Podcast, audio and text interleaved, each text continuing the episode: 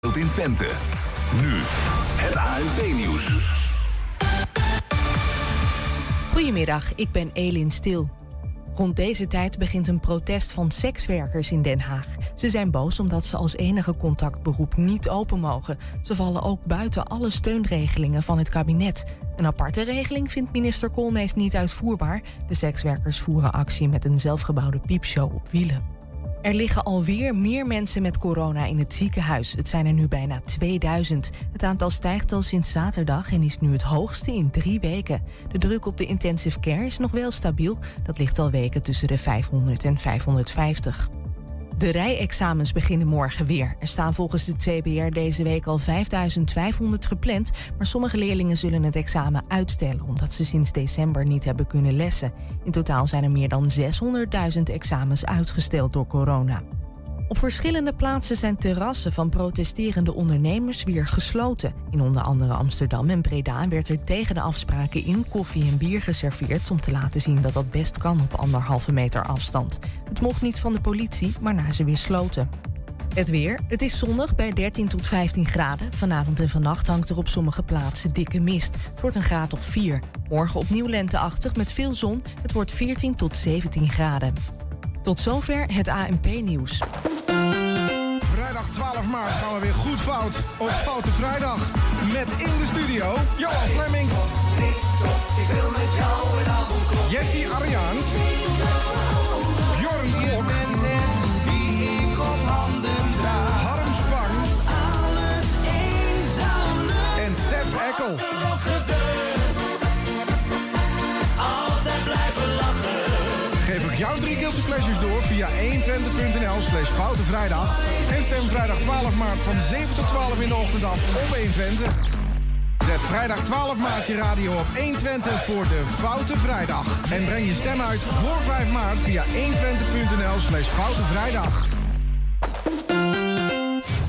120. Weet wat er speelt in Twente. Iedere dag praten we hierbij over alles wat er in Twente gebeurt. Via radio, tv en online. 120. Verschillende horecazaken in Enschede die sloegen vandaag alarm. Soms met een opgesteld terras en soms lieten ze letterlijk van zich horen. Jasper Minte en Eva Spijker zoeken een koopwoning in Enschede en zetten daarvoor net even een stap extra. 15 Twentse woningcorporaties vinden gezamenlijk dat Den Haag een scheef woonbeleid voert. Of een scheef woonbeleid, hoe je het ook wil horen. Waar de regio de dupe van is.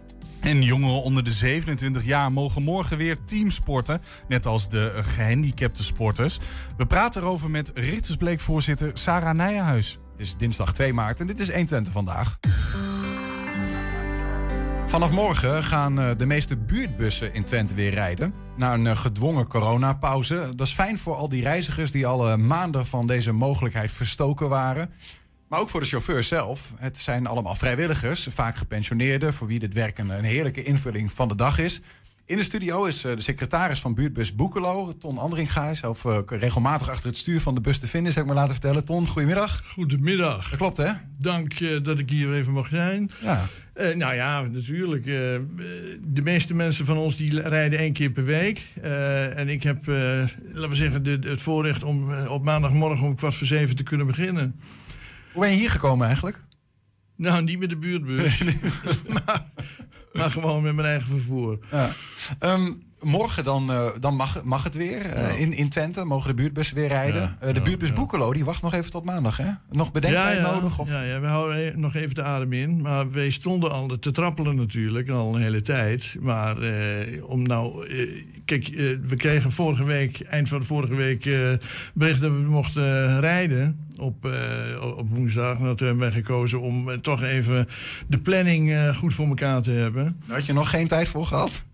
Jawel, maar dat veranderde steeds weer. Oh ja. hè? Ik bedoel, als je dus klaar bent voor in, bijvoorbeeld in juli, dan eh, is het in oktober weer heel anders. En dan mochten we opeens zo'n 9 oktober weer en dan wordt het, nou wordt het weer 3 maart.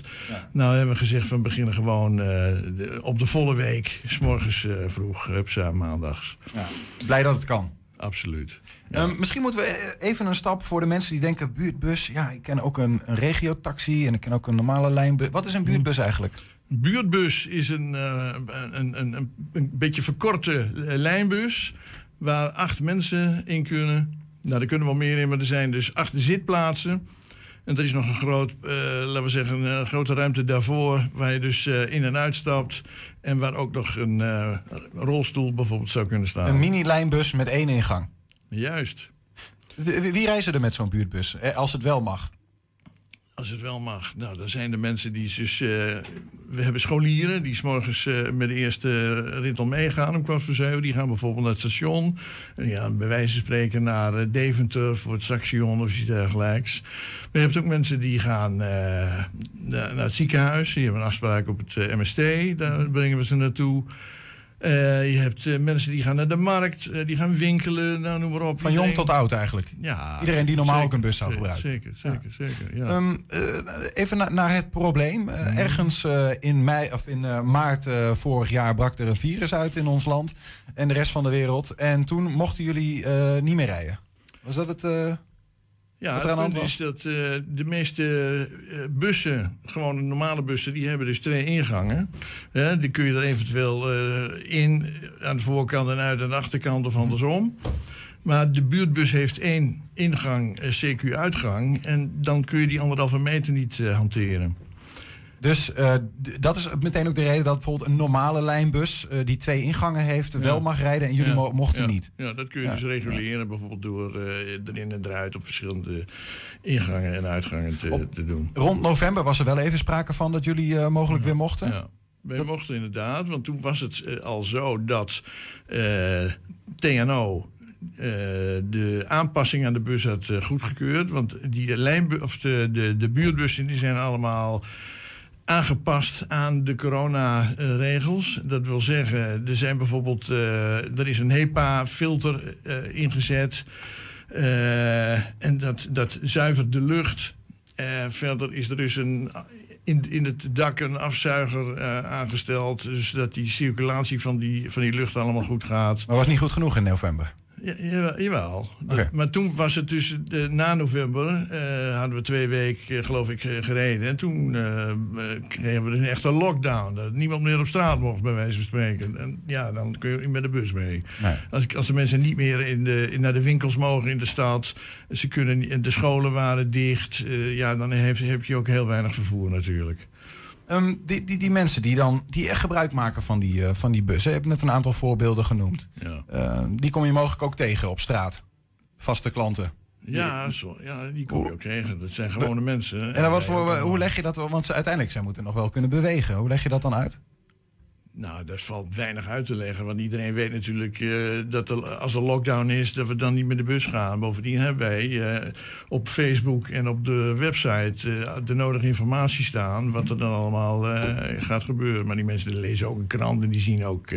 Ja, maar goed, zij, kunnen, zij, zij maken misschien wel vast gebruik van, van uw buurtbus. Dat, Ja. dat, dat, dat kan niet meer. Nee. De lijnbus vanuit Boekelo is er niet. nee.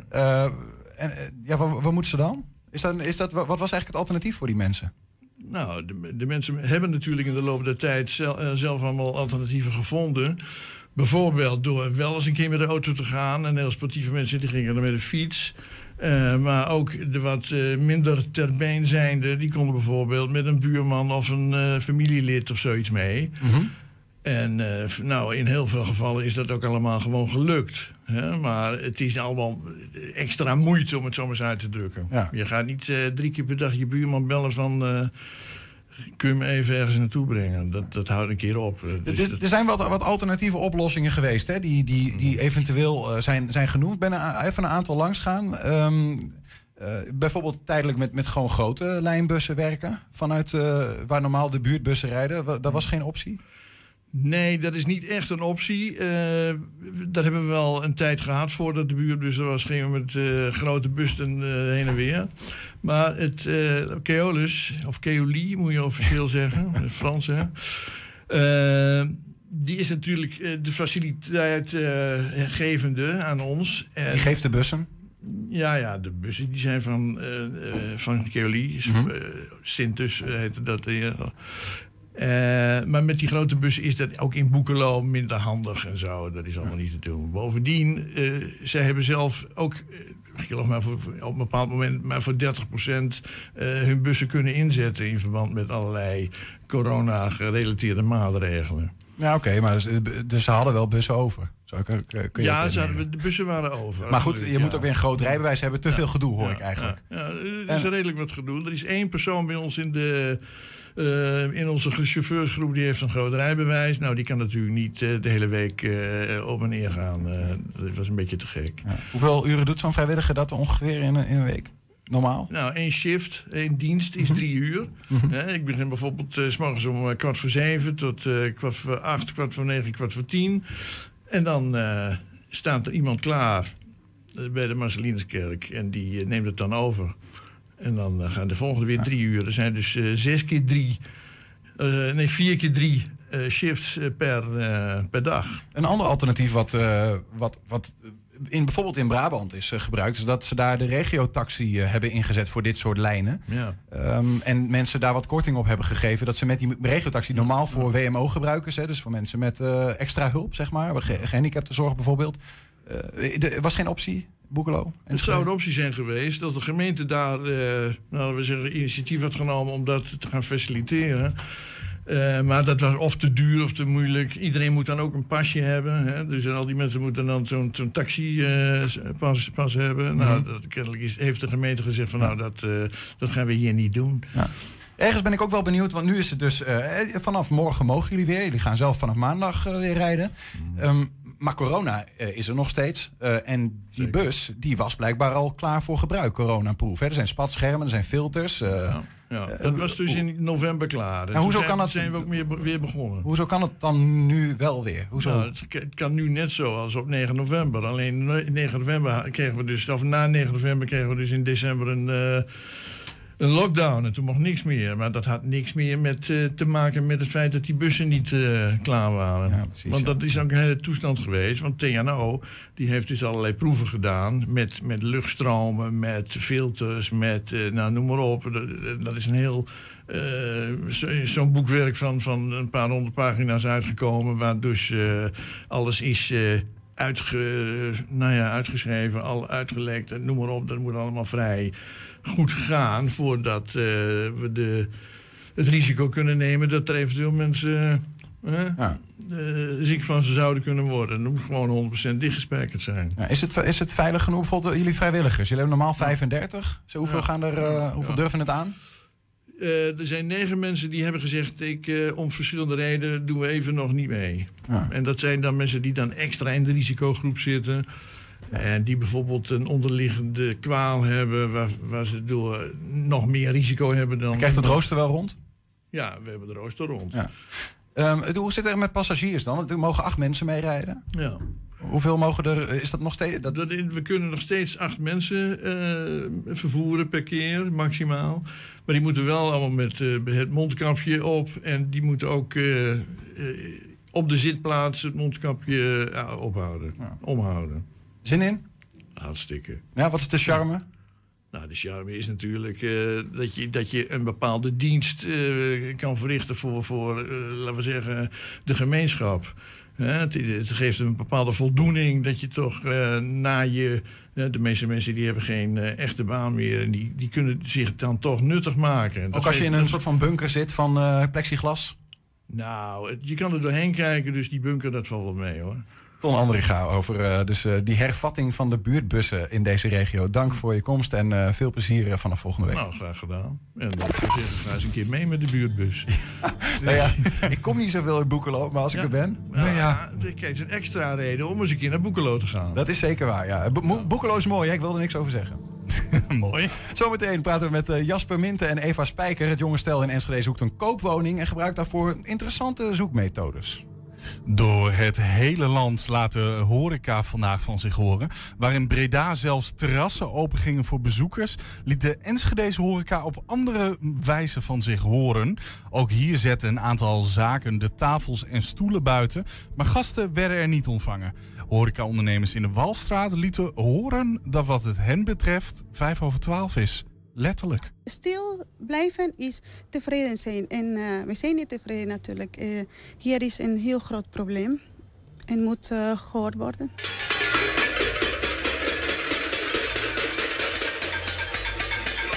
Nou, wij staan hier in de, in de Walstraat, hier in Enschede. En wij hebben, zoals jullie hier achter ons zien, de, de vlag opgehangen in de knoop een teken van uh, dat we in zwaar weer uh, zitten, dat het, dat het, niet goed gaat. En dat is natuurlijk in deze tijd, het is geen verrassing. Ik, ik, denk dat heel veel mensen begrijpen dat de horeca het zwaar heeft.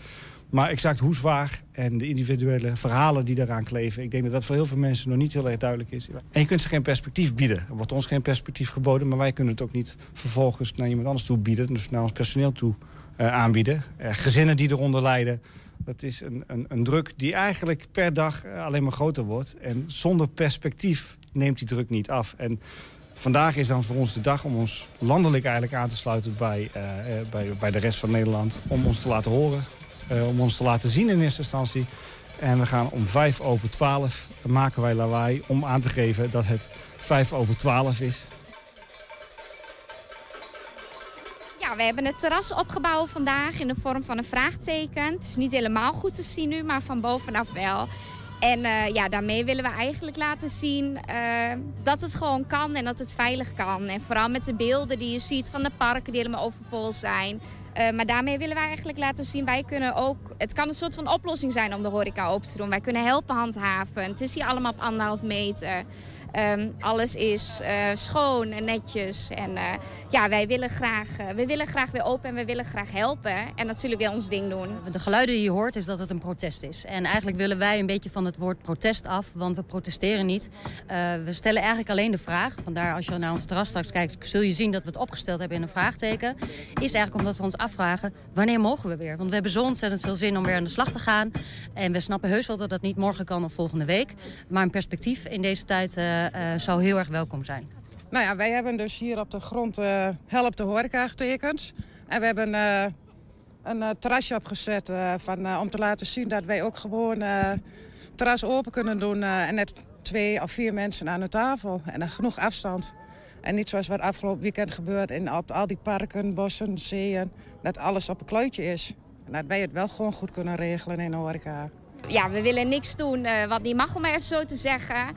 En uh, dat zou ook uh, niet netjes zijn naar de ziekenhuizen toe, et cetera. Dus nee, we zijn niet open. Echt alleen het personeel ook in werkkleding dat hier plaatsneemt om te laten zien op anderhalf meter. Het kan. We willen juist wel een geluid laten horen en nog steeds ons enthousiasme laten zien. en de vraag stellen van wanneer mogen we weer?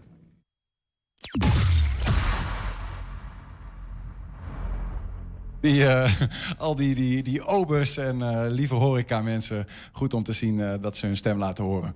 Dan, jonge Enschede'ers die hebben het moeilijk om een koophuis te vinden. De vraag is groot, het aanbod is maar weinig. Prijzen reizen de pan uit. We hoeven het u waarschijnlijk niet meer te vertellen.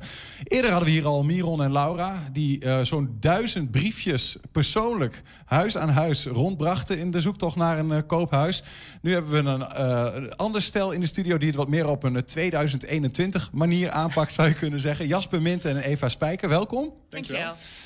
Um, jullie hebben een, een, een, website gemaakt, speciaal in de zoektocht, dehuizenjacht.nl. Uh, eh, ik weet niet of dat kan. We hebben volgens mij een, een screenshot, in ieder geval even iets, uh, waarin we een stukje van die website zien. Nou, een klein beeld om een beeld te krijgen. Hij ziet er super strak uit. Ja, dankjewel. Uh, kan iedereen dat of is dat, uh, ligt dat aan een van jullie uh, beroepen? Nee, we hebben eigenlijk een hele mooie combinatie in ex expertise. ik werk als grafisch ontwerper bij een reclamebureau in Hengelo, Limesquare. en Eva die werkt als docent journalistiek op Saxion. Die, die kon voor de teksten zorgen. ja. ja, we hadden zoiets. Waarom gaan we dat niet bundelen, weet je wel? Uh, waarom laten we, we zetten onze expertise gewoon in om er iets unieks van te maken. Dus we zijn eigenlijk een soort online campagne gestart met een website. Die heeft Jasper helemaal gemaakt. Uh, hij heeft alles ontworpen. Ik heb de teksten geschreven, de social media bijgehouden. Uh, daar eigenlijk post voor gemaakt om eigenlijk in de picture te kunnen komen. Jongen, jongen, jongen. Dat het allemaal nodig is in deze tijd. Maar even, want we zien er maar een stukje van die website. Vertel eens, wat, wat zien we, Eva? Wat staat er op die website? Ja, wat we eigenlijk, uh, eigenlijk een beetje ons verhaal. We zijn nu een jaar op zoek eigenlijk naar een koophuis in Enschede. Uh, dat lukt niet. Flink overboden een aantal keer. Uh, het komt simpelweg niet uh, online ook. Uh, toen we begonnen met zoeken in Enschede zo'n 600 huizen. Nou, dat zijn er nu 300. dus het lukt niet. Dus eigenlijk een beetje, nou, waar zijn we ook naar op zoek? In welke wijken zijn we op zoek? Wat is ons budget? nou ja, hoe we op het idee ook zijn gekomen. We hebben een contactformulier op de website... waardoor mensen contact met ons kunnen opnemen. allerlei verschillende posts gemaakt voor social media. Dus dat is eigenlijk een beetje wat je kunt vinden op die website ja, grafisch ondersteund, visueel uh, gemaakt voor uh, de mensen in Enschede. Ja, de handigheid die jullie dan daarin beide hebben, die is blijkbaar ja, schrijnend toch waar uh, nodig in deze tijd, Jasper. Ja, je merkt wel dat je, we krijgen wel redelijk wat respons. dat is ook wel heel erg leuk. Maar je merkt inderdaad, elke keer wanneer je het via een makelaar probeert... dan is het toch wel lastig. Je wordt of overboden en je moet er heel snel bij zijn. En het is eigenlijk al een dagtaak aan zich. Ja, we hebben ook al eens eerder begrepen... huizen die op Funda staan, staan er eigenlijk al niet meer... want die zijn stiekem al verkocht. Je bent veel te laat. Als je alleen op Funda kijkt... dan zijn de eerste bezichtigingen zijn al ingepland. Uh, wat wij zelf hebben gedaan, wat ook een tip is voor iedereen... wij volgen alle makelaars op Facebook. Want wat je vaak ziet is dat zij eerst op Facebook uh, posten... voordat ze op Funda posten... Nou, wat wij vaak hebben, dan bellen we nou, direct s ochtends om half negen als ze open zijn of om negen uur. Oh ja, er staan zoveel mensen in de wachtrij. En dan binnen een dag uh, zijn er gewoon twintig mensen die willen bezichtigen. En dan staat hij nog niet eens op Funda. Mm -hmm. Dus dat is wel dat is heftig. Hij staat uh, een dag of tien online, hè Jasper, de website? Ja, we zijn uh, op 14 februari eigenlijk met het idee gekomen. En toen hebben we wat avonden heel hard doorgewerkt. En in een week tijd hebben we de website online, online gekregen en social media aangemaakt. En daarna zijn we bezig geweest met content. Dus, uh... ja, je had het al even over, over reacties. Zijn jullie, want die, die zijn nogal overweldigend, toch? Je krijgt echt veel reacties. Ja, we krijgen behoorlijk wat reacties. Uh, nee, de, de, ene tip is de andere niet. Uh, soms krijgen we een huis wat, wat niet in ons straatje past. nou, ook prima natuurlijk. En soms krijgen we ook wel huizen waar, waar we echt wel serieus even naar kijken. En nou ja, soms doen we er wat mee. Maar even, want uh, Eva, die huizen die jullie dan getipt krijgen... is dat van bewoners zelf die zeggen... nou, ik ga mijn huis verkopen, kijk hier eens naar? Of is dat zo van, ik help jullie in die zoektocht? En krijg je dan ook weer funda-tips waar je dus eigenlijk niks aan hebt? Nou, een beetje beide. Uh, we krijgen best wel wat van mensen die bijvoorbeeld van plan zijn... om in de loop van de maand hun huis te gaan verkopen. Zo van, hé, hey, ik zag het voorbij komen. Wij willen in mei bijvoorbeeld willen we gaan verkopen. Dat past in jullie straatje. Uh, we krijgen ook wel tips van mensen die via via iets hebben gezien. Dat bijvoorbeeld een Facebook vriend van hun weer iets erop heeft gezet. Die dan zelf hun huis gaat mm -hmm. verkopen. Dan krijgen een screenshotje doorgestuurd. Of mensen die zeggen, hé, hey, mijn buren gaan verkopen. Of uh, ik weet toevallig dat deze mensen plannen hebben. Misschien kun je eens contact opnemen. Maar ja, ook wel de funda-linkjes. Uh, ja. ja. of wat reclame van partijen af en toe. Maar al wat concrete soela's geboden, zeg maar, of niet? Is er, zit er al wat in? Nou, ik denk wel wat dingen. We hebben nu nog wat lopen uh, in Stokhorst, waar we graag eventjes naar willen gaan kijken. Uh, ook nog een mooie tip wel uh, voorbij gekomen in Hengelo, waar we, nou ja, we moeten ons zoekgebied ook wel een beetje uitbreiden. Maar even, jij komt uit Hengelo, toch, Jasper? Ik kom oorspronkelijk uit Hengelo, ja, ja klopt. Oké, okay. ga verder. Ja, dus al best wel wat dingen dat we denken, nou, we gaan het in de gaten houden. En ook wel wat leuk was van een aantal mensen dat je vier keer dezelfde tip krijgt. Dat mensen zeggen, dit is echt wat voor jullie. Nee, dat is natuurlijk super tof. En sowieso dat mensen aan je denken dat is gewoon top. Ook al ken je ze helemaal niet. Uh, echt via, via, via weer. Uh, ja. Dus het, loopt, ja, het loopt lekker door. Uh. Um, die, die, die, die, Zo'n zo'n website is natuurlijk een soort van misschien wel uiterst redmiddel, of niet? Of is het, was het een, is het een van. Hoeveel dingen hebben jullie al geprobeerd überhaupt? nou, we zijn wel al een jaar lang actief op zoek. En dat is eigenlijk via de gewone manier, dus via een makelaar. Ehm, maar we hadden nu eigenlijk zoiets van, ja, waarom niet? We gaan het gewoon proberen en uh, we hopen dat het wat oplevert. En wat, wat hoop je dan precies? Want kijk, bijvoorbeeld, ik denk dan altijd... als mensen een huis verkopen via een makelaar... en dan komen er natuurlijk heel veel uh, mensen die zich aanmelden... en dan, dan stijgt die prijs van zo'n huis. En dat is wat je wil als je een huis verkoopt. Hè? Dus wat is er nou aan de kant van de aanbieder van een huis... interessant om jullie te vinden via de website en zeggen... hé, hey, kom bij mij. Ja, het voordeel is natuurlijk, je hebt de makelaarskosten niet. Uh, daartegenover staat de hogere prijs die je ervoor kan krijgen. Uh, als meer mensen inderdaad kijken. Maar het is niet dat wij een lager bod doen uh, per se.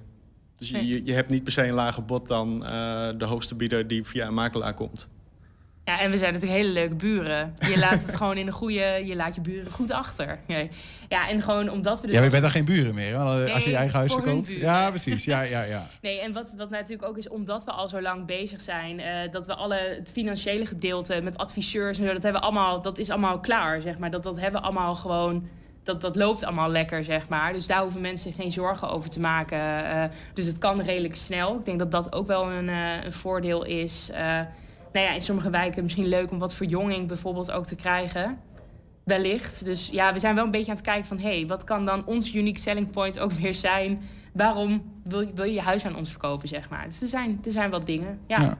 Hoe zijn de reacties in jullie omgeving eigenlijk? Ik neem aan dat jullie zelf ook veel met andere jonge mensen praten. Misschien ook wel andere jonge mensen die een koopwoning zoeken. Denken ze nu van, hey, doe mij ook zo'n website? Of, uh... Uh, dat nog niet helemaal. Uh, we hebben al wel wat, wat uh, tips gekregen van... joh, dit moet, je, dit moet je uitbreiden... of dit kun je straks misschien wel doorverkopen... of hey, misschien moet je zelf een bedrijfje hierin beginnen... in het soort bemiddelen. Ehm, maar de tips zijn allemaal, of de, de, de, reacties zijn allemaal heel positief. Iedereen, iedereen vindt het heel tof. Ja. Waar wonen jullie nu? we wonen nu aan de Haaksbergstraat. In Enschede, in, Enschede. Ja. in een huurwoning? In een huurappartement. Ja. ja, precies, ja. En wat is eigenlijk voor jullie de, de reden, Eva, dat je zegt... we willen gewoon graag een koopwoning? Ja, wij, we wonen nu midden in de stad eigenlijk. En dat, dat is heel leuk. Uh, nou, nu met corona heb je er sowieso wat minder aan. En eigenlijk willen wij ook wel wat meer weg uit de stad. Gewoon wat meer ruimte. Uh, een tuin, dat missen we nu ook wel heel erg. En gewoon, ja, als je kunt kopen, waarom niet, zeg maar. Dat ook wel heel erg. Dat je gewoon echt je eigen huis hebt. En dat, dat, daar zijn we eigenlijk vooral ook naar op zoek. Dus gewoon wat groter, tuin, uh, echt een, een, woonwijk ook. Dat dus een beetje weg uit de stad. Uh, ja. Het volwassen leven in, zeg maar. Ja, hoe frustrerend is het dan dat je in, uh, ja, ongelukzalig op dit moment deze leeftijd hebt... en zelfs vanaf januari nog meer stijging dan in de afgelopen twee jaar... maar dat je, ja, dat je huizenprijzen hebt waar je gewoon niet meer tegenop kunt boksen bijna, Jasper? ja, is het frustrerend? Ja. Uh, maar je bent er al zo lang mee bezig. Het, het, het, gaat heel langzaam, wordt het steeds ietsje erger, zeg maar. En ik denk dat dat ook wel de reden is dat we nu deze stap hebben genomen. Ja, wat is de volgende stap dan, stel dat dit niet lukt? Uh, we hebben nog een plan om uh, te gaan targeten op social media. Dus we gaan gericht advertenties inzetten op Enschede. En nou ja, wie weet, hopelijk dat we dan ook nog genoeg publiek krijgen. En dat daar dan de gouden tip in zit hebben we trouwens ook nog wat heel leuks voor de gouden tip. wat is, hoe gaan we nou mensen stimuleren om ons die gouden tip te geven om het huis te verkopen? Dacht, nou, daar willen we wel wat tegenover zetten. Dus we hadden nu het idee, als we een gouden tip krijgen, om daar gewoon een bol.com bon van 100 euro tegenover te zetten. In de hoop mensen een beetje te stimuleren van, hé, hey, ik ken iemand. Uh, nou ja, als dat dan onze ons droomhuis is. Dan... Kijk, en wat is jullie droomhuis? Misschien moeten we daar nog even mee afsluiten. Wat wil je, wat zoek je precies? Liefst een twee onder één kap of een hoekwoning. Uh, budget tot uh, 325, 325.000 zeg maar uh, in verband met de NAG. Beetje een tuin erbij uh, en liefst in een woonwijk. Dat is eigenlijk wat wij vooral zoeken. En of het nou een klushuis is of een nieuwbouwhuis, dat maakt ons niks uit. En anders kijk even op dehuizenjacht.nl. Dat is jullie eigen website. Yes. Jasper Mint en Eva Spijker, dank voor de komst en veel succes met die zoektocht. Dankjewel. Ja, dankjewel. 15 Twentse wooncorporaties vinden gezamenlijk als, uh, dat Den Haag een scheef woonbeleid voert... waar de regio de dupe van is. Nou, straks praten we erover, maar eerst... Vanaf morgen mogen uh, er bij sportverenigingen weer mensen tot 27 jaar op de voetbalvelden uh, in groepsverband trainen. Ook mag de gehandicapte sport weer aan de slag. Sarah Nijenhuis van voetbalvereniging Richters Bleek is momenteel druk bezig met die voorbereiding. Uh, voorbereidingen om dit uh, in goede banen te leiden. Sarah, goedemiddag. Goedemiddag. Um, ja, eerder dicht gezeten, toen weer uh, open, toen weer dicht, toen weer open. Wendt het al dit yo-yo-effect bijna? Nee, dit wendt nooit. Nee. Dit is echt niet zoals je het zou wensen en willen. Nee, want laten we gewoon eerst even een beeld schetsen. Wat mag er vanaf morgen weer bij de club? Nou ja, wat mag er weer? We mogen uiteindelijk twee dingen. Dus we mogen tot, uh, tot 27, moet ik het goed zeggen, uh, mag weer getraind en, uh, en interne wedstrijden worden gespeeld. Dus dat is al heel erg fijn. En dat mag natuurlijk zonder die anderhalf meter uh, ja. afstand uh, nou ja, in acht houden. heb jij het dan niet echt enorm druk nu? Met geregel, geregel en nog eens geregel. Nee, ik kan heel goed delegeren. Ik heb een fantastisch team om mij heen. We hebben, uh, wat dat betreft hebben wij dat aardig ook weggezet. Waarin elke afdeling afzonderlijk ook daar heel druk mee, mee moet zijn en ook is. En alles komt uiteindelijk bij mij. En dan zie ik dat het, dat het loopt en dat het goed gaat. En dan kunnen we van start. Is het zoveel geregeld dan? Want ik bedoel, uiteindelijk ja, is het maar een kleine groep die, die nou weer aan de slag kan, toch? Of zeg ik dat helemaal verkeerd? Dat zeg je helemaal verkeerd, Niels. Nee, weet je wat? het, het geregeld zit hem vooral in het feit... we hebben die avondklok, om maar even wat te noemen. En zonder daarop op in te gaan. Dat betekent dat je ook als het gaat om alle trainingen... die weer ingepland moeten worden... want we hebben heel veel trainingen van die wat later op de avond waren... naar voren moeten schuiven naar achteren. Het is altijd een beetje lastig uh, hoe je dat maar bekijkt. Mhm. Dus dat betekent dat we in, in een hele korte tijd heel veel trainingen op dit moment, die er dus nu bij komen, want je gaat nu uitbreiden tot 27, die moeten we allemaal wegzetten in tijd. Dus daar waar bijvoorbeeld de jeugd uh, om 7 uur nog kon, kan het moeten zijn dat zij dus nu eerder moeten trainen, omdat nou ja, de, de wat ouderen er ook ja, bij komen. Ja. ik was even vergeten, het gaat natuurlijk niet alleen maar om die jongeren uh, tot 27 die dan zeg maar eigenlijk al volwassen zijn, maar het gaat ook om die kinderen. Die moeten dus allemaal tegelijk, voordat de avondklok ingaat, moeten ze ergens trainen. Ja. En om half negen is bij mij ook echt gewoon half negen stopt alles. Zodat ook alle medewerkers weer uh, op tijd naar huis kunnen gaan. Poorten dicht en dan uh, tot de volgende dag. Dus alles wat normaal ook een uitloop had. En vooral hè, nu het wat lichter uh, wordt s'avonds. Wat een uitloop had tot half tien, tien uur. Ja, dat kan niet. Nee. Dat moet allemaal weer terug worden gevallen. Dus eh, dat is het. heb je dan, uh, je, hebt, je hebt dus die avondklok, dat is dan al een, een, een nare maatregel. Maar ik kan ook, zoals van mijn eigen team, wij hebben zeg maar een gesplitst team, ook mensen ouder dan 27. komt dat veel bij jullie vereniging voor? Hebben jullie daar echt last van? Want ik neem aan dat het best vervelend kan zijn. Um, ik heb gelukkig die Ik hoor het wel om me heen, want ik heb natuurlijk hè, vanochtend toevallig nog eh, met een, eh, een collega in, eh, in de stad daarover gesproken. Ik heb ze in ieder geval niet gehad. Bij ons was het eigenlijk ook wel heel erg duidelijk van: oké, deze maatregel is er. Daar berusten we ons in. Ik, ik merk mhm. ook wel dat er een soort berusting nu is. Zo van, nou, we wachten het af. Ik heb van de week nog een stukje geschreven van, nou, we zijn weer een klein stapje dichterbij. Mm, Dus we blijven positief. Uh, dat maakt ook dat iedereen zit te wachten tot het moment dat ze uiteindelijk weer het veld op mogen. En ja, en dit is nu de grens. En kan je mopperen, maar dit is het. En wat als je zeg maar, uh, een, een, uh, stel je voor, ik ben een radbraak en ik denk, nou ja, uh, ik ga toch trainen. Ga jij echt met de, gaan, gaan de mensen met spelerspassen naast het veld staan en zeggen van, hé, hey, jij bent 28, jij kan ons een hele hoge boete opleveren als jij hier mee gaat trainen? Nee, ik denk dat het helemaal niet nodig is. Daarin ben je te veel een vereniging. Daarvoor wil je ook het beste voor elkaar en voor de club. En weet je wat het is? De, de boventoon is tot nu toe steeds geweest van... Uh, weet je, je bent verantwoordelijk voor jezelf, voor je eigen gezondheid en voor die ander. Laten we dat gewoon op een volwassen manier uh, blijven doen. We hebben in het begin nog gewerkt met uh, toezichthouders en hesjes. En het is allemaal niet eens meer nodig. We hebben een aantal beheerders die lopen rond. Nou, we kennen ze, hè? we kennen eigenlijk iedereen bij naam en, mm -hmm. en, en in welk team ze spelen. Dat soort excessen zeker niet. Nee, wij... Als we het iets persoonlijker maken, hè? want dit is natuurlijk een, een maatregel die is genomen. Uh, ook omdat, je, omdat we zien in het land dat uh, de koek gewoon op is uh, bij iedereen, maar ook vooral bij de jongeren. Um, dus zij mogen weer tot 27. In hoeverre heb je dat gezien binnen je eigen leden van die leeftijd? Dat, hoe belangrijk is het voor hun dat ze nu gewoon weer kunnen, het veld in kunnen? Heel belangrijk. Ik denk dat het uiteindelijk gewoon um, alles wat, wat, wat, wat af was genomen, zo voelde dat. Hè? Niet meer naar school, uh, niet meer naar de stad. Uh, in het weekend uh, was er geen terrassen, geen cafés, helemaal niks. En, en de sport en het bewegen en het elkaar daar ontmoeten. Ja, dat, op het moment dat dat ook stopte, was dat gewoon een, een heel groot probleem in de zin van ja, wat, wat heb je dan nog? Dus ook als het gaat om eenzaamheid. Ja, dat waren gewoon hele grote issues. Ja. En we hebben dat wel een beetje proberen op te lossen. Maar ja, weet je, uh, digitaal houdt ook een keertje op. Dus op het moment dat de jeugd weer mocht trainen, was dat voor ons echt een soort van, nou ja, een verademing. Er is altijd een doelgroep geweest die, um, die overal buiten uh, zijn blijven staan, omdat het heel erg lastig was. We hebben uh, een kleine 90G-spelers met een heel groot vrijwilligersteam omheen. Dat is de groep die het hardst is geraakt binnen onze vereniging. Omdat zij konden na de aanleiding van de eerste lockdown niet meer terug, ongeacht of het nou uh, onder de 18 was of niet. We konden niet meer uitleggen van jullie mogen terug de velden op, maar je moet op anderhalf meter afstand blijven. Je mag maar in twee tellen. Dat is voor hun gewoon niet te. te met, met, met, als gevolg dat ze überhaupt niet hebben mogen trainen. Tot aan de dag van vandaag mochten zij dus niet meer trainen en niet meer voetballen. Dus de gehandicapte sporters over de hele linie, jong, oud? Was bij mij uiteindelijk, en we zijn ook de grootste, of de vereniging met de grootste uh, tak van sport in, in, in, nou ja, in, de, in de G-voetbal. Mm -hmm. Dus dat was uiteindelijk heel triest. Dus ik heb heel veel berichten gehad uh, en mailtjes en ook van ouders die zoiets hadden van jeetje, onze kinderen. En dan maakt leeftijd soms helemaal niet uit. Maar de zorg is, ze staan al heel vaak achter in de rij en nu staan ze nergens. Ja. Wanneer mogen ze terug? Maar dat is dus vanaf morgen ook anders, toch? Want die ja. krijgen weer ruimte. Voor hun, is het, eh, voor hun ben ik het alle, alle, alle, nou ja, gelukkigst. Ik denk zij zelf ook. Misschien Zij wel. zelf Ja. ook, ja. Dus vorige week toen het nieuws ook daar was, hebben wij eh, even gesproken met. eh, er zit ook een apart bestuur omheen. En daar heb ik gelijk contact mee opgenomen. En nou, Gerrit in deze die dat leidt, die zei: Wat er ook gebeurt, wij staan. Ik zeg: Wat er ook gebeurt, jullie staan er ook. Voor hun is dit het allermooiste Dus moment. ook de 27-plussers? Nee, nee, nee. Tot Of niet? aan- nee, Tot nee, dat- 27? Tot 27. Oké, oké, nee. dat is aardig. dat is alweer een aardige groep. Ja, ja. En eh, eh, eh, als je dan ook een beetje kijkt naar die ouderen. Wat, wat ga je voor hun doen? Ga, wa- wa- want ik, ik neem aan dat er nu toch ook wel een beetje een gevoel is van ja. Weet je, de, de rek is er een beetje uit.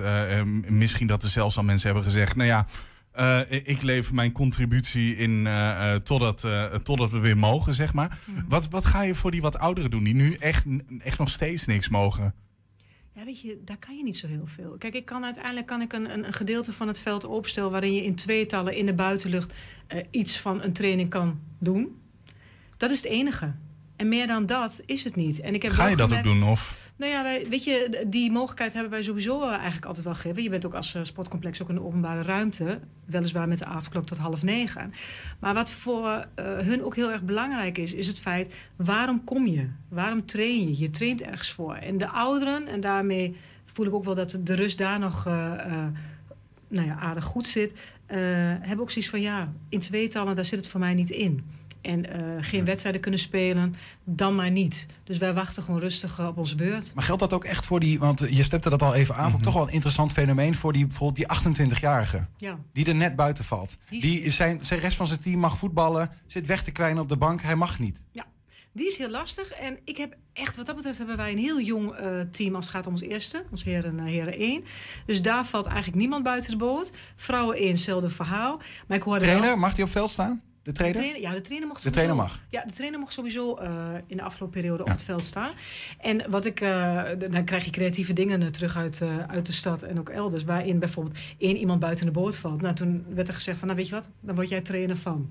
Dus dat je er toch wel weer bij hoort. Want als je het officieel bekijkt, zou diegene moeten wachten tot na de training aan de kant van het veld. En dan zou die in zijn eentje, of als ze met z'n twee zijn, met z'n twee het veld op kunnen. Mensen worden ook steeds creatiever. Ja, ja. Maar ik moet echt zeggen dat ik in dat opzicht, nou, jij hebt de Mhm. geluiden wel gehoord, eh, hebben wij het aan onze kant eh, ja, wat makkelijker. Omdat we zitten echt, we hebben hele jonge teams op dit moment. Ja. Bij uitzonderingen, Julian, met je Ja. team. Ja, excuses. Ja, ja, we moeten toch dan wat, eh, wat leuks Ga gaan binnenkort verzinnen. niet een keer bij jouw team kijken hoe dat is. Dat er de helft buiten het, hel- buiten het hek staat bij Victoria en eh, de rest staat op het voetbalveld. Weet je wat, Niels? Ik ga na deze uitzending even een telefoontje plegen. Ah, ben wel benieuwd.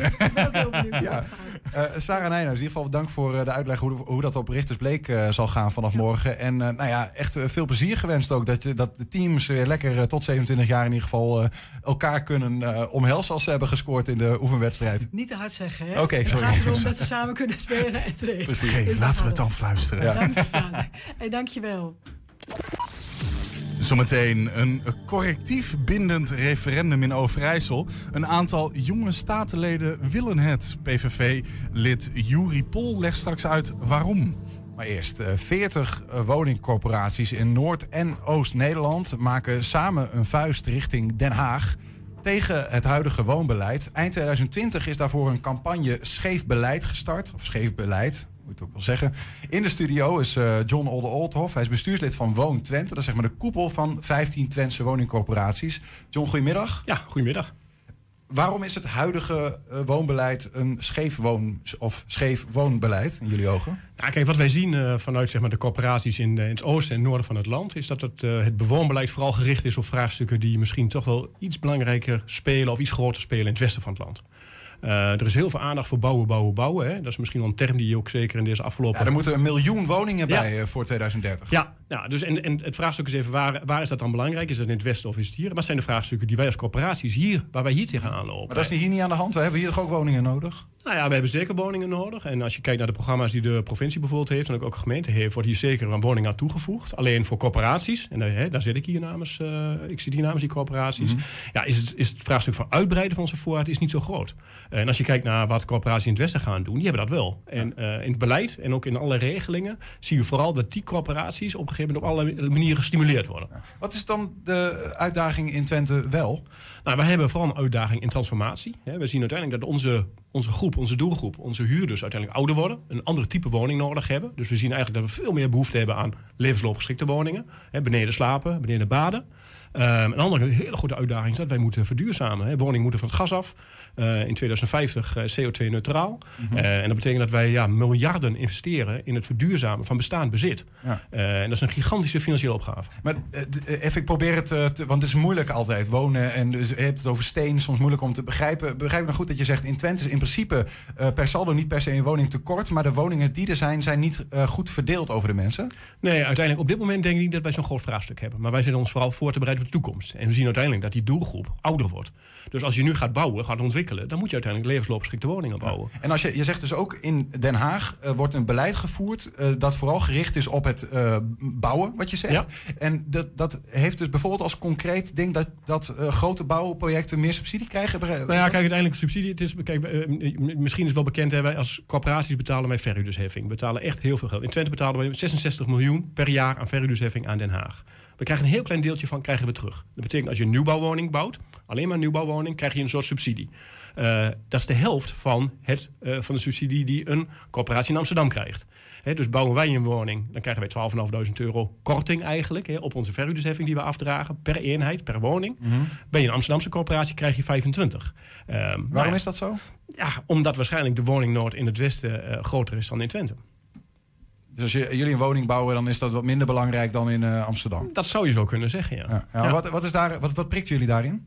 Nou, wij vinden uiteindelijk ten eerste, de vraag is even überhaupt hè, of het uh, op die manier stimuleren van woningbouw, of dat gaat helpen. Hè? Want er is uh, eigenlijk, uh, wat is een veel duurdere exercitie, is het verduurzamen van woningen. Mm -hmm. En daar staan wij voor aan de lat. Hè? We zullen uit onze, onze op dit moment de corporaties in twee hebben ongeveer 80.000 woningen.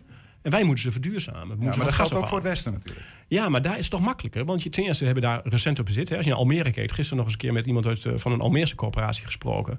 Gemiddelde leeftijd van een Almeerse woning is 20 jaar. 10, ja. 20 ja, maar goed, dan heb je het over de polder, nieuwe ja. omgeving. Maar ja. dat is even naar Amsterdam bijvoorbeeld als voorbeeld nemen. Nou, ook daar heb je oude woning, absoluut. Uh, maar verduurzamen is op principe een veel duurdere, veel duurdere ingreep dan een nieuwbouw van woningen. Je, je voegt heel veel geld, uh, stop je in een woning en de waarde stijgt eigenlijk maar minimaal. Mm -hmm. betekent dat je heel veel, ja, in feite een desinvestering doet. Wat eigenlijk dat zou een veel betere manier zijn, maar dat is stimuleren financieel. Ja. Dus we, we, we willen als, als Twentse woningcorporaties van, van Den Haag uh, meer middelen voor verduurzaming, hoor ik je zeggen. Ja. Maar ook um, beleid wat erop gericht is dat, uh, dat in de toekomst, als onze zoals we dat zeggen, demografie verandert, dat jullie woningaanbod nog toereikend is. Is dat goed dat ik begrijp? Nou ja, wij willen uiteindelijk willen gewoon daar ook op dezelfde manier gestimuleerd worden, als uiteindelijk ook woningen, ook corporaties in het Westen gestimuleerd worden voor nieuwbouw. En mm -hmm. we vinden zeg maar, dat het scheef ja. is dat wij uiteindelijk daar niet voor gestimuleerd worden. Maar kun je eens een beeld schetsen van wat er in de toekomst uh, in onze bevolkingsdoorsnee um, uh, gaat veranderen, waardoor dat woningaanbod mee moet groeien, mee moet veranderen? Nou ja, het moet vooral veranderen. Hè. Uiteindelijk hoeft niet te groeien. Uh, we zien uiteindelijk, ja, veranderen. Ja. ja. we zien uiteindelijk dat onze groep ouder wordt. Uh, we zien uiteindelijk ook steeds meer mensen met vraagstukken, met, met ondersteunings- begeleidingsvraagstukken ouder worden in wijken. En die hebben echt een ander type product nodig. Die gaan niet meer uh, in een, in een portiekflat met vier trappen naar boven. Ja. Die hebben echt iets nodig waar ze drempelloos naar binnen kunnen. Maar ik moet me dan voorstellen dat de bestaande, jullie bestaande, de bestaande appartementen die, die woningcorporaties verhuren bijvoorbeeld, worden veranderd naar oudere woningen? dat zou kunnen, hè, maar dat is ook wel kijken hoe dat, of, hoe dat technisch allemaal kan. Maar je ziet bijvoorbeeld, als je het hebt over mijn praktijk, ik ben uh, de uh, coöperatiebestuurder in de gemeente Wierden en de gemeente Hellendoorn. Uh, daar zie ik uiteindelijk dat wij te veel ingezinswoningen hebben op termijn. En dat wij uiteindelijk levensloopgeschikte woningen toe moeten voegen. Mm -hmm. en dat is echt een ander product. Ja. Um, iets anders, het bouwen van nieuwe woningen is ook een manier om te zorgen dat er meer doorstroom komt soms. Mm -hmm. hè, dan, dan ga je ook dat, dat scheef wonen wat, wat, wat tegen misschien. Um, er wordt overal geroepen dat er ook meer gebouwd moet worden, bijvoorbeeld in de, in de dorps kernen in, in, in de regio, zodat jongeren daar kunnen blijven plakken. Is dat de oplossing? Nou, dat is zeker een oplossing. Hè. Je ziet uiteindelijk dat die kernen uiteindelijk echt gebaat bij zijn dat er ook gewoon jongere mensen wonen.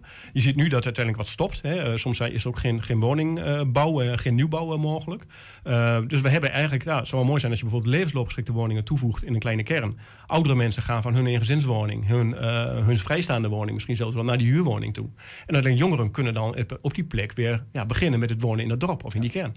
We hebben op dit moment niet genoeg middelen als woningcorporatie om dat allemaal mogelijk te maken. Nou ja, kijk, we, hebben, we zijn nog steeds aan het bouwen. We zijn nog steeds onze woning aan het verduurzamen. Uh, dat is op dit moment geen probleem. Maar we zien op langere termijn en als je het hebt over nu, zeg maar binnen nu en tien jaar gaan we echt tegen grenzen aanlopen. En we zijn natuurlijk nu al aan het plannen hè, over tien jaar. Hè. Woning, woningbouwprogramma's duren lang. Eh, maar wij zien gewoon dat wij eh, wat we te doen hebben, onze opgaven die wij hebben, zo noemen we dat, dat wij niet de middelen hebben om die opgave op langere termijn te realiseren. En er werd ook nog eh, bekend dat dit jaar de huren zijn bevroren. Oftewel, Ja. die worden niet verhoogd voor Ja. dit jaar, voor alle Ja. huurders. Ja. Ehm, ja, ik, ik huur bijvoorbeeld een appartement van een woningcorporatie in Enschede. Zij ontvangen dus minder geld van mij gewoon. Ja. Is, is dat een probleem voor jullie? Nou, dat is zeker een probleem. Ehm, uiteindelijk eh, ehm, ja, minder, minder opbrengsten betekent uiteindelijk ook dat je minder te besteden hebt. En ook op langere termijn. Hè? Want uiteindelijk de huurbevriezing van dit jaar eh, gaat ook volgend jaar gaat die meespelen. En want wij hadden erop gerekend dat we dit jaar zeg maar zo'n 1,4% konden verhogen. En volgend jaar misschien nog wel eens een keer 1,4%. ja, dus, dus je mist gewoon één jaar mis je. En dat gaat echt, dat is al uitgerekend. Uiteindelijk 10 miljard gaan wij uiteindelijk als corporaties missen. Hoe komt het nou eigenlijk dat ehm, dit geluid, is, dat, dat ze in Den Haag niet doorhebben... eh dat in de regio hele andere problematiek speelt als het gaat om wonen dan in... eh, Nou, kijk, uiteindelijk, het, het vraagstuk in het Westen is natuurlijk ook groot. Hè, laten we daar ook niet omheen draaien. Dus uiteindelijk, het gaat uiteindelijk ook dat wij vanuit het oosten en het noorden... Hè, want dit doen we samen met, ook met corporaties in Drenthe, Friesland en Groningen... dat we uiteindelijk dat signaal ook willen, laten, eh, willen afgeven. Van, het gaat niet alleen om het vraagstuk in het Westen... of het vraagstuk rondom Eindhoven of rondom Rijn. Nee, het gaat ook om het vraagstuk wat je hebt in Delfzijl... of in Boekelo of eh, in Hellendoorn. Maar dat, dat zien ze te weinig. Dat zien ze absoluut te weinig. Hoe komt dat? Eh, nou, de vraag is, is het politiek interessant? Hè? Eh, misschien, je gaf net het voorbeeld van de huurbevriezing eh, die plaatsvond. Ja, de vraag is, wat zit daarachter? Hè? Is dat echt een oprechte wens om betaalbaarheid voor mensen met laag inkomen te stimuleren? Of is het eh, misschien toevallig dat het dicht bij de verkiezingen is? Ja. Maar goed, je, je hebt er uiteindelijk wel mee te dealen als woningcorporatie. Zeker, zeker. Ja. En hoe ga je ze aan het verstand peuteren dat, eh, dat dit hartstikke... Dat, dat, je, dat je een bepaald probleem hebt in Twente wat misschien anders is elders... en dat je daar middelen voor nodig hebt? Nou ja, dat doen wij dus nu Scheef Beleid, eh, de campagne Scheef Beleid. Hè. Dus www.scheefbeleid.nl eh, is, is daarvoor in, in- op touw gezet. Met 40 corporaties, 40 collega's over heel Noord- en Oost-Nederland. Ehm, en we, ja, veel aandacht in de pers, ook hier. Mooi dat wij hier ook dit mogen toelichten. Eh, maar ook aandacht in de Kamer. Er zijn ook Kamervragen over gesteld. Je merkt ook dat wij nu toch wel benaderd worden door eh, kandidaten op lijsten. eh, van wat is hier aan de hand? Wat speelt er? Je ziet dat het al ingebracht wordt. ja, en wij hopen zeg maar, dat ons geluid ook zeker bij de ja, formatie en ook bij zeg maar, het nieuwe regeerakkoord, dat dat inderdaad ook daar echt een plekje krijgt. Ja, ja. ja dat, dat, dat, dat, dat hopen we ook. Het, het, het, het ligt al voor de deur, hè? dus eh, wat dat betreft. Maar, heb jij, durf jij een uitspraak te doen over jouw visie op de woningmarkt in Twente over vijf jaar? Ja, ik denk uiteindelijk dat ehm, je ziet wel dat de druk wat toeneemt. Hè. Ehm, voorspellingen die we een paar jaar geleden hadden. Dat druk de- waarmee bedoel de je? druk op de woningmarkt. Hè. Je ziet zeker ook, eh, net het voorbeeld wat je net voor had, mensen in een koopwoning, dat dat steeds lastiger wordt, prijzen stijgen. We zien het ook in de, in de huursector zien we het ook wel wat, dat de druk toeneemt. Ehm, aan de andere kant zie je op langere termijn zie je heel duidelijk weer een krimp. Hè. Je ziet uiteindelijk vergrijzing, ontgroening. Ehm, maar we blijven echt vinger aan de pols houden. Dus we ook gewoon bij kunnen, bij kunnen schakelen. Alleen er zit natuurlijk altijd wel wat vertraging in. Hè. Als wij nu zien dat we moeten bijbouwen, dan staan die eerste woningen staan er pas over een jaar of drie. Ja. Eh, maar we blijven, en aan de andere kant laten we het ook even iets nuanceren. Kijk, als je in Amsterdam een, een huurwoning zoekt, je 20 jaar onder, eh, onderweg. En in Twente, hè, eh, een beetje wat je precies verwacht en wat je wilt, moet je binnen een jaar een woning kunnen krijgen. Ja. Als we dan eh, afsluiten met eh, zeg maar de ultieme elevator pitch vanuit Twente. We zijn hier in Enschede naar Den Haag. Wat, eh, wat willen we hier in Twente? Wat hebben we nodig van Den Haag om te zorgen dat we over vijf jaar een gezonde woningmarkt in Twente hebben? Zoveel mogelijk. Nou, wij willen gewoon ruimte om gewoon dat te doen wat nodig is. En waar wij als corporaties voor staan. Dat betekent mensen gewoon veilige, goede en passende woning bieden. En niet alleen nu, maar ook in de toekomst. En daar willen we echt maatwerk voor, voor, voor bieden. John Olderholthoff, dankjewel. Straks de column van de dag en ditmaal van Robert van der Meulen. Maar eerst een eh, bindend correctief referendum in Overijssel. Dat is de wens van zes jonge statenleden in de provinciale staten van eh, de partijen PVV, SP, D66, OCL, VM, FMO en FVD. Het is wat. De partijen die vinden het namelijk belangrijk dat inwoners mee kunnen beslissen over eh, provinciale besluiten. En wanneer het nodig is, ze ook besluiten tegen kunnen houden. Een van de initiators van dit voorstel is statenlid Juri Pol van de PVV. Juri, goedemiddag. Een hele goede middag, hallo. Heel eerlijk hè, Juri, ik wist niet eens dat het kon op regionaal niveau. Ehm, nou ja, er zijn nog wel wat dingen nodig, zeg maar. ehm, om dat echt helemaal eh, erdoor te krijgen natuurlijk. Maar eh, recentelijk is dus in de Tweede Kamer en in de Eerste Kamer is de deur op een kier gezet. Eh, en toen dachten wij dus met zes jonge statenleden van nou, we gaan daarop anticiperen. Dus we trekken de stoute schoenen aan en we gaan gewoon schrijven. We komen gewoon met een voorstel eh, waarin we dus zeg maar die hele uh, regelbasis zeg maar uitschrijven.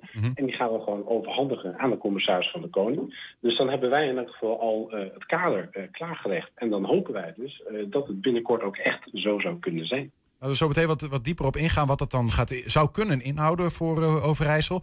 ik begreep wel dat er ook andere provincies zijn waar dit al zo is, hè? waar dit binnen, binnen het correctief referendum er al is. Klopt. En wij hebben in de voorbereiding dus ook bijvoorbeeld gekeken naar hoe ze dat in Limburg hebben gedaan. Uh, en daar is het dus echt, uh, is het er al. Alleen, uh, er zit wel een groot verschil in.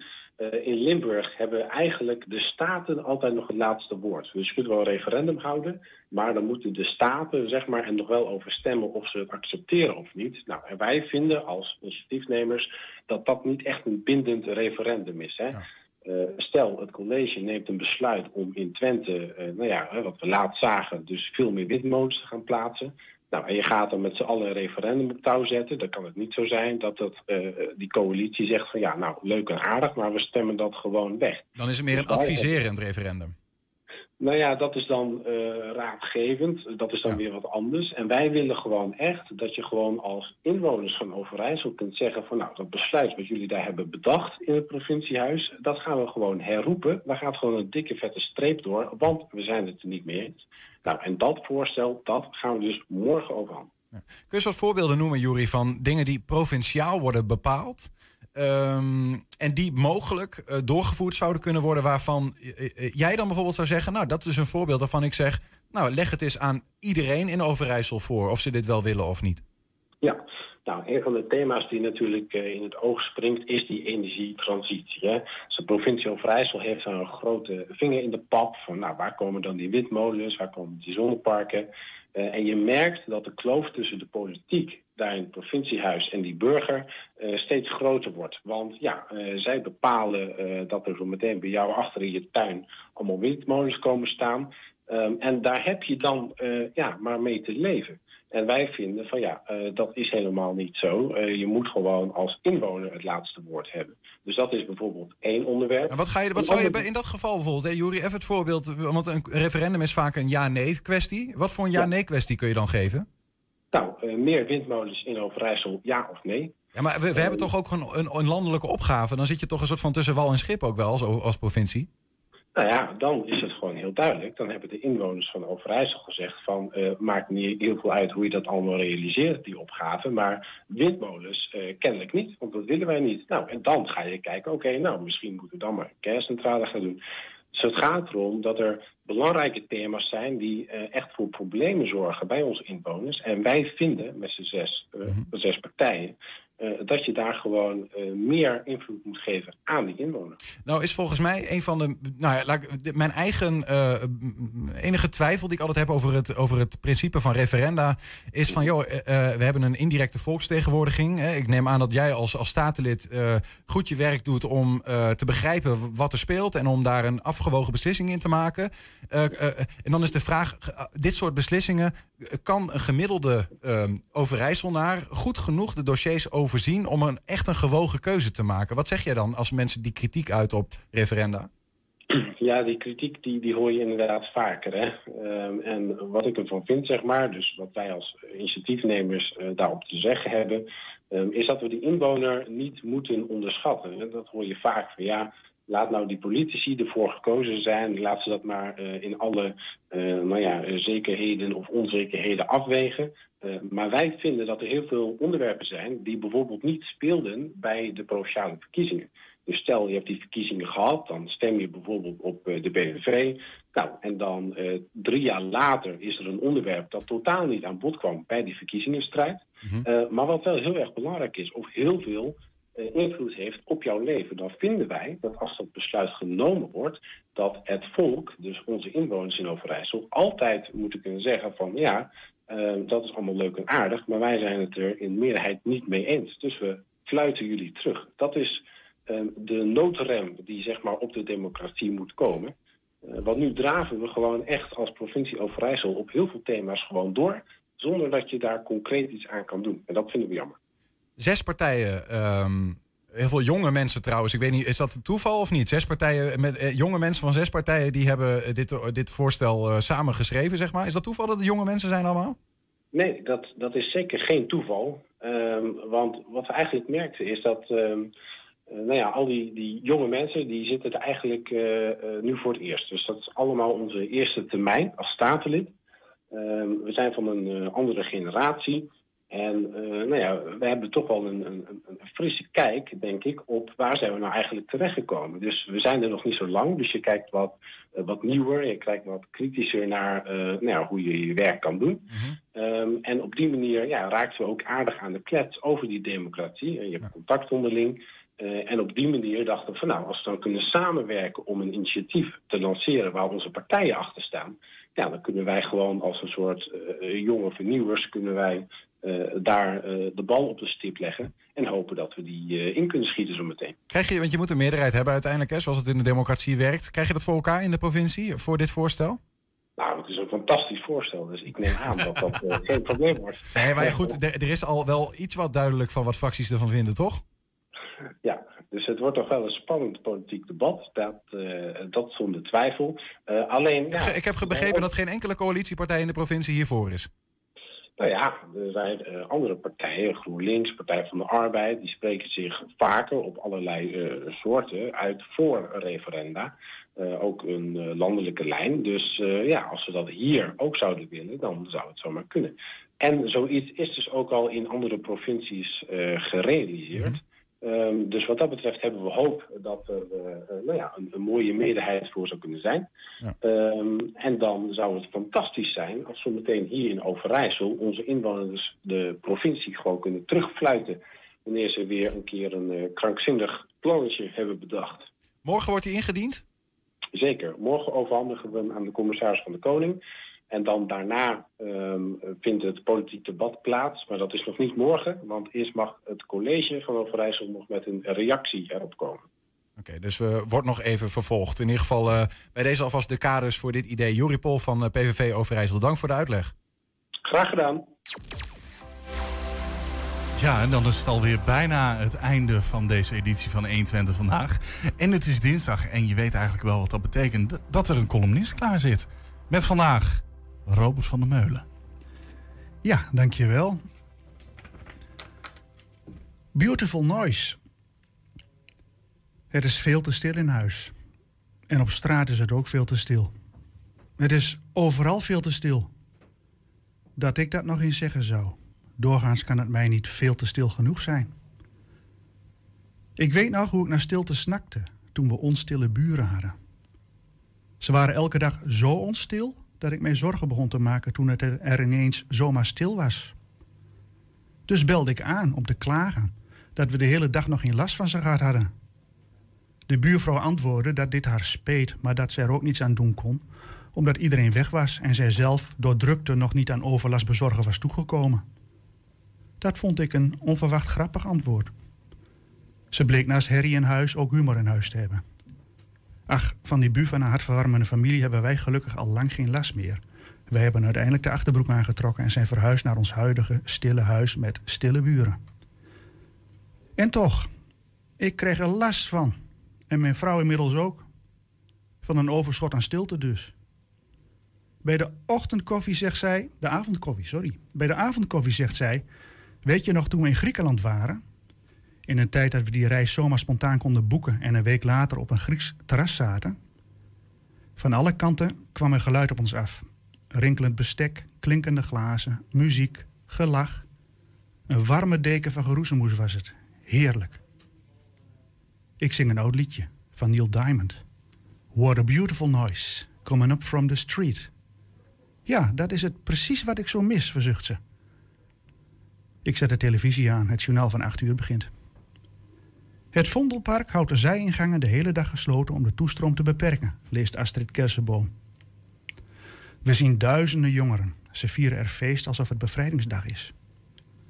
Op de garçons buitelen ze over elkaar heen, spugen elkaar, niet gehinderd door Hugo, Mark of Jaap, ouderwets in de bek.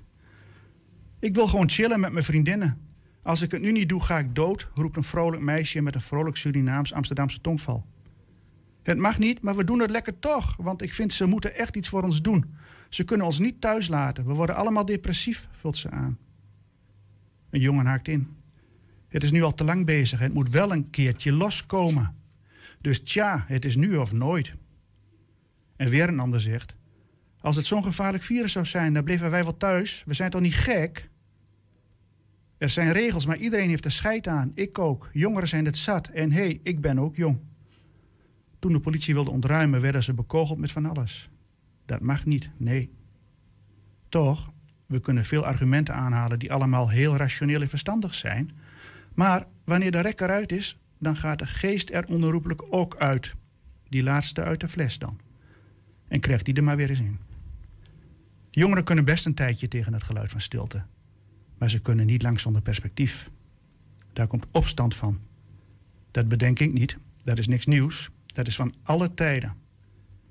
Mag de overheid verwachten dat ze, uh, dat ze volhouden en zich aan de regels houden?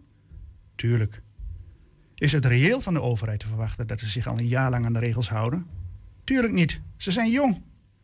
Het is zoals een collega laatst zo treffend zei: alles wat in de knop staat ontbod. Dan kun je hoog of laag springen, het gebeurt vanzelf. De natuur, hè? Een waarheid als een koe.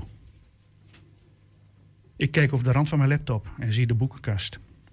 Toeval bestaat niet. Naast de meest vrije roman voor de meest vrije generatie ooit, geschreven door de meest vrije jongen ooit, ene Jan C. uit Enschede, staat het meest onvrije dagboek, opgetekend door de meest onvrije jongere ooit. Anne F. uit Amsterdam schreef het in de dagen dat er een andersoortig, onvergelijkbaar kwader virus actief was, waardoor zij gedwongen werd om 759 dagen aan één muisstil in een bedompt achterhuis binnen te blijven zitten. Toen ze er uiteindelijk uit mocht, herstel, moest, heeft ze nog een kleine acht maanden onder erbarmelijke omstandigheden geleefd. Ik zucht diep, want ik wilde naar een andere plot voor deze column. Eentje met heel veel compassie voor onze jongeren. En die compassie is er ook, heus. Maar, lieve jongens en meisjes in het Vondelpark, vrijheid laat zich niet afdwingen dwingen door jullie kop in het zand te steken en het houden van voortijdige feestjes. Dus, lief meisje in het Vondelpark, zul je voorlopig nog even moeten doorgaan zonder beautiful noise. En, lieve jongen in het Vondelpark, als het echt voorbij is, zullen we dan met elkaar Bevrijdingsdag vieren? Ik kan niet wachten, maar beloof je dat wel te doen. De column van Robert van der Meulen. Robert, bedankt. En tot zover 120 vandaag. Terugkijken kan direct via 120.nl. Vanavond ook live, of live te zien, terug te zien op televisie om 8 en 10 uur. Zometeen hier Henk Ketting met een nieuwe kettingreactie. Ik wens jullie in ieder geval heel veel plezier. 120. Weet wat er speelt in Twente. Nu, het ANP